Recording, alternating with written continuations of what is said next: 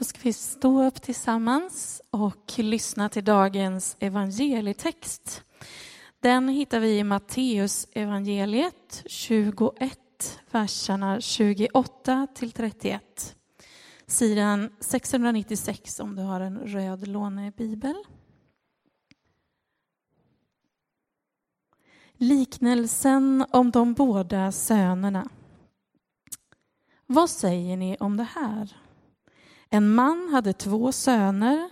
Han vände sig till den ene och sa Min son, gå ut och arbeta i vingården idag. Han svarade Nej, det vill jag inte. Men sedan ångrade han sig och gick. Mannen vände sig till den andra och sa samma sak. Han svarade, jag ska gå, herre, men han gick inte. Vilken av de båda gjorde som fadern ville? De svarade, den förste. Då sa Jesus till dem, sannerligen, tullindrivare och horor ska komma före er till Guds rike. Så lyder det heliga evangeliet. Lovad vare du, Kristus.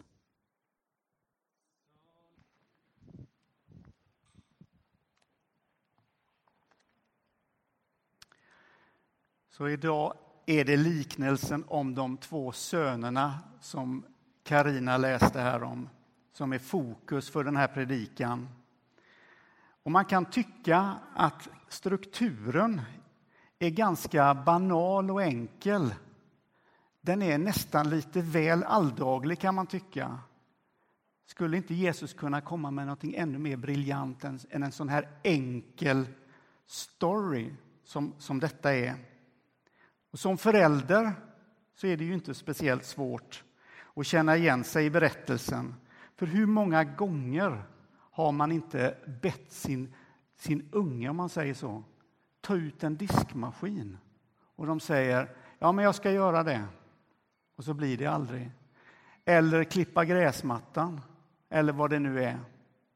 Dessutom vet ju vi som har flera barn att det är väldigt olika i en syskonskara. Hur snabbt de kommer till den här diskmaskinen. Eller hur mycket man får tjata innan gräset är klippt.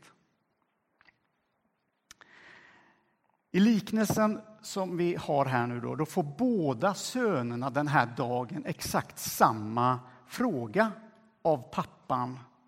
Jag skulle behöva hjälp i vingården idag. Och den ena sonen säger ju först det här, nej, nej jag vill inte. Jag, jag vill inte göra det. Och jag tänker mig att han går undan och, och det kanske tar, förflyter lite tid. Va? Och sen börjar han tänka efter ändra sig och sen går han ut i vingården och arbetar. Han tänker om och gör rätt. Den andra sonen, han är den här som säger, och de har vi säkert erfarenhet av också. De som säger att ja, men det fixar jag. Det behöver inte vara våra barn, det kan vara vem som helst. Det fixar jag. Du kan lita på mig. Sen en vecka senare märker vi att ingenting har gjorts överhuvudtaget. Man har sagt någonting, men det, det har inte blivit någonting alls av det. Och så vänder sig Jesus i den här liknelsen till översteprästerna och de äldste och ställer den här frågan som egentligen en femåring ska, skulle kunna svara på. Jag tror du kan gå ut på vilket dagis som helst och fråga vem tycker ni gjorde rätt av de här bröderna? Allihopa säger samma sak, tror jag. Att han ställer den frågan till välutbildade, vuxna män högt i hierarkin i det andliga eh, landet här. Med långa skägg, ni vet. Jag får i alla fall bilder av långa skägg. Det har inte med berättelsen att göra. Men de hade säkert långa skägg. Att han ställer det till dem. Och de svarar på det här självklara svaret. Jo, men han som gjorde rätt, det är klart att det är han som först säger nej och sen säger ja och gör det sen. Men mitt i denna till synes enkelt uppbyggda liknelse kommer Jesus med en svidande kritik mot översteprästerna och de äldste. Alltså till dem som har ett andligt ansvar, till dem som bär en kallelse inom sig. De som bär den här kallelsen.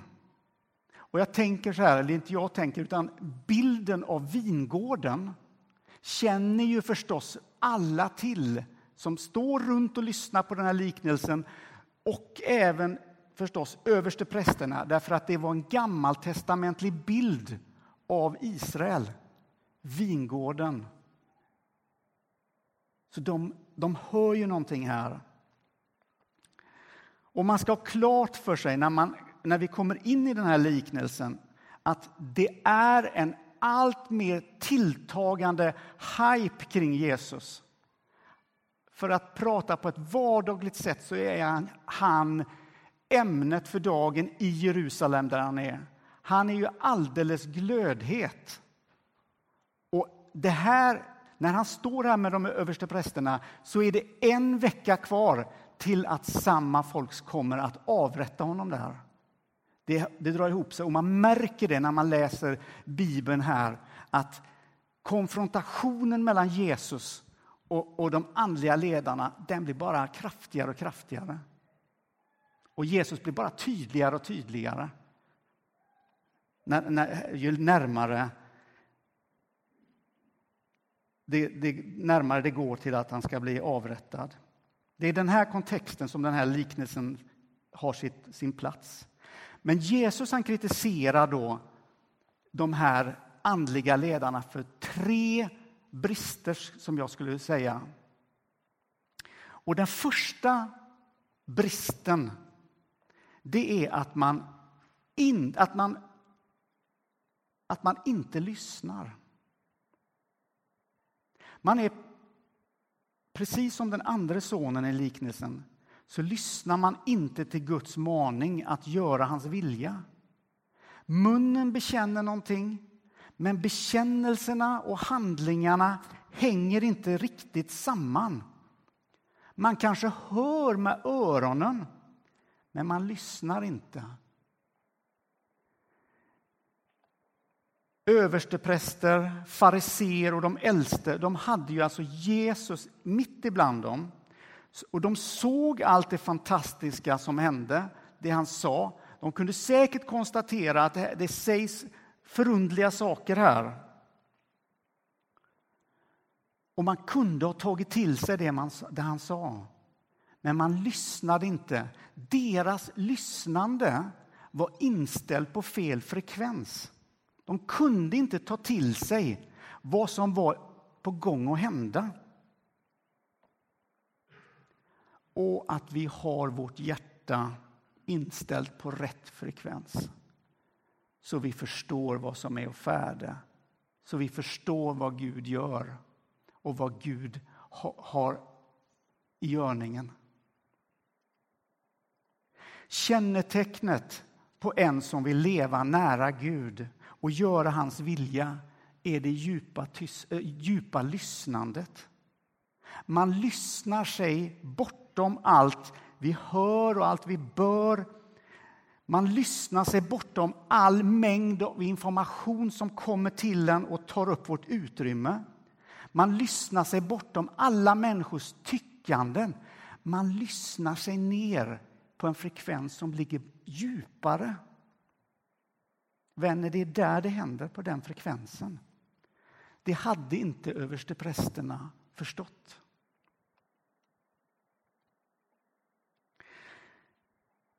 Vi behöver träna oss i att lyssna på rätt frekvens. Man kan inte förstå vad Gud vill göra om man inte också lyssnar. Och när Jesus talat överste prästerna och de äldste är de oförmögna att ratta in den rätta frekvensen för att förstå vad som håller på att hända. Det storslagna är på väg att gå dem förbi. Man var fast i statiska bilder hur det andliga skulle se ut. hur samhället skulle vara konstruerat, deras egen plats, deras liksom personliga sfär, hur den skulle vara. Det storslagna gick de förbi.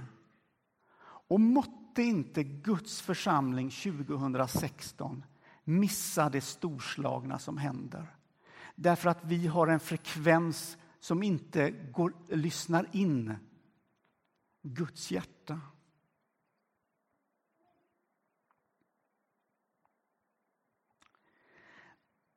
Så lyssnandet, där kritiserar Jesus för de här översteprästerna. överste prästerna. Det andra är att man väljer något annat.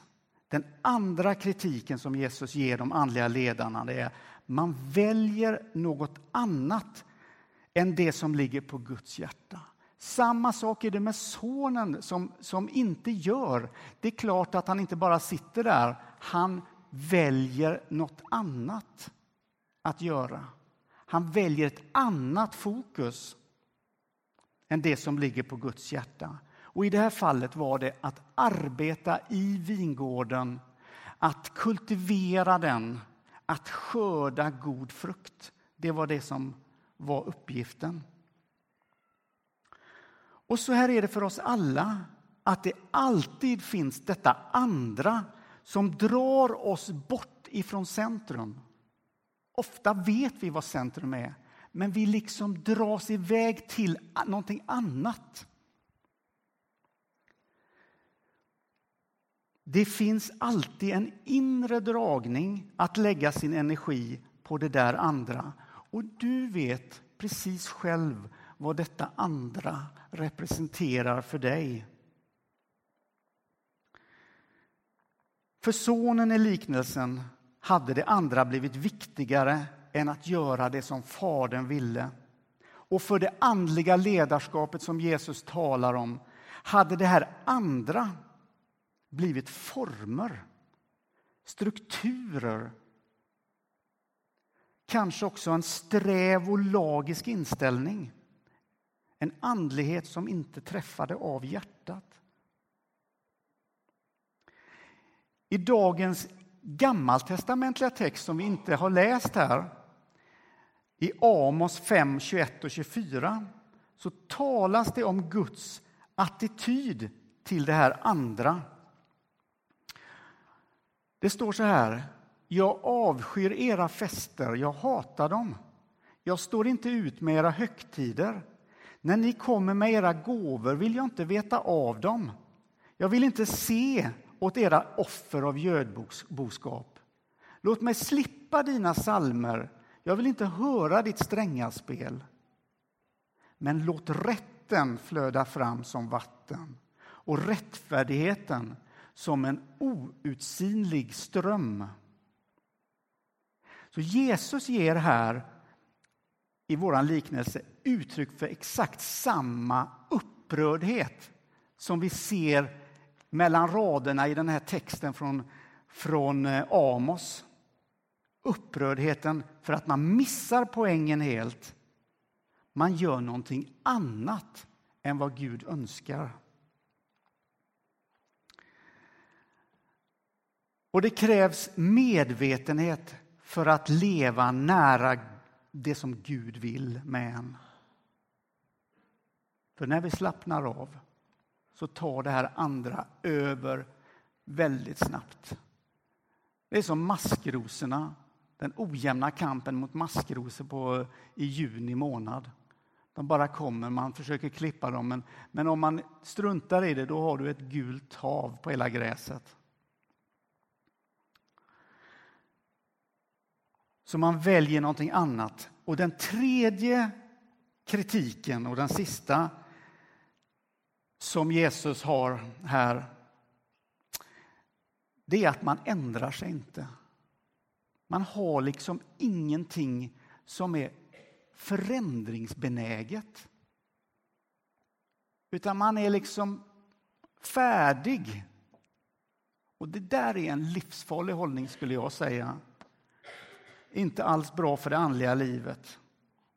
Överste prästerna och äldste vänder inte om. Därför att omvändelse kräver ödmjukhet och ett formbart hjärta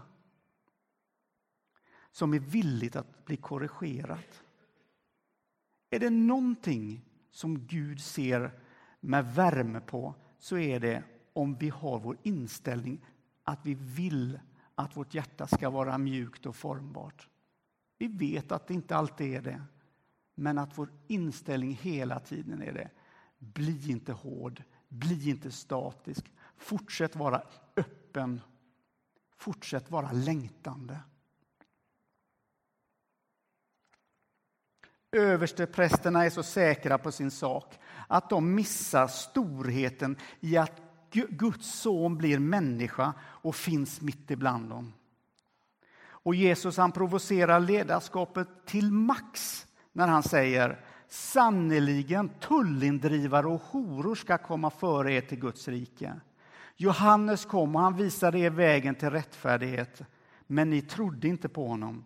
Tullindrivarna och hororna trodde på honom. Och ni såg det, men inte heller då ångrade ni er och trodde på honom.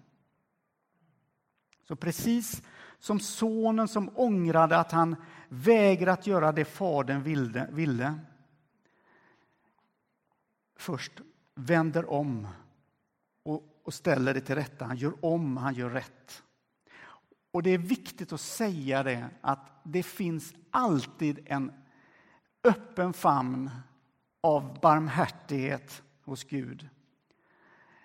Jag tror vi inte riktigt har ens börjat ana hans tålamod med dig. Han, han har inte ens tullat på det tålamodskontot, utan det, det, är, det finns hur mycket tålamod och barmhärtighet som helst.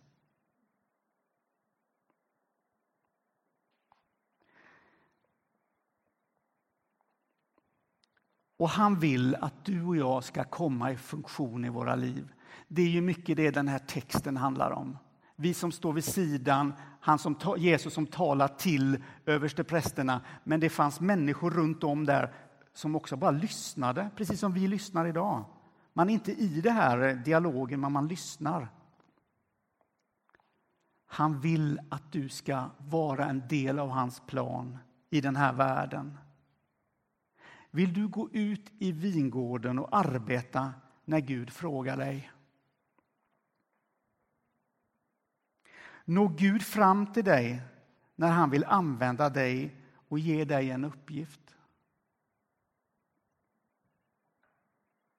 Lyssnar du och har din, är din frekvens rätt inställd?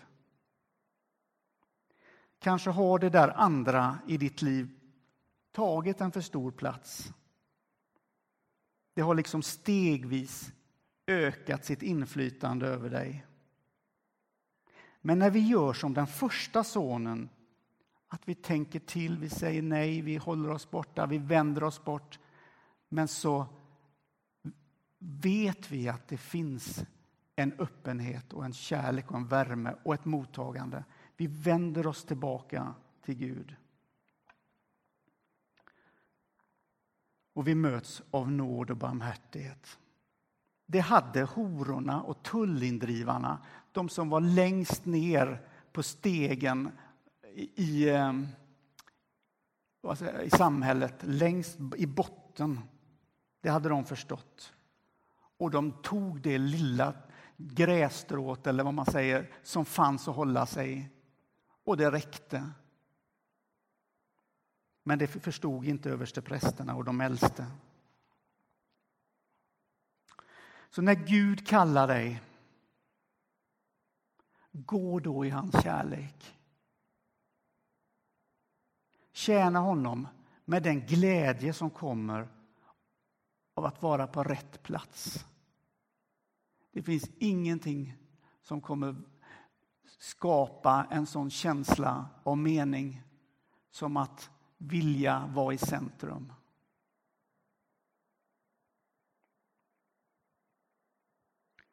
Så vänner, låt oss gå ut i vingården och följa honom som är vår uppdragsgivare och vår far. Amen.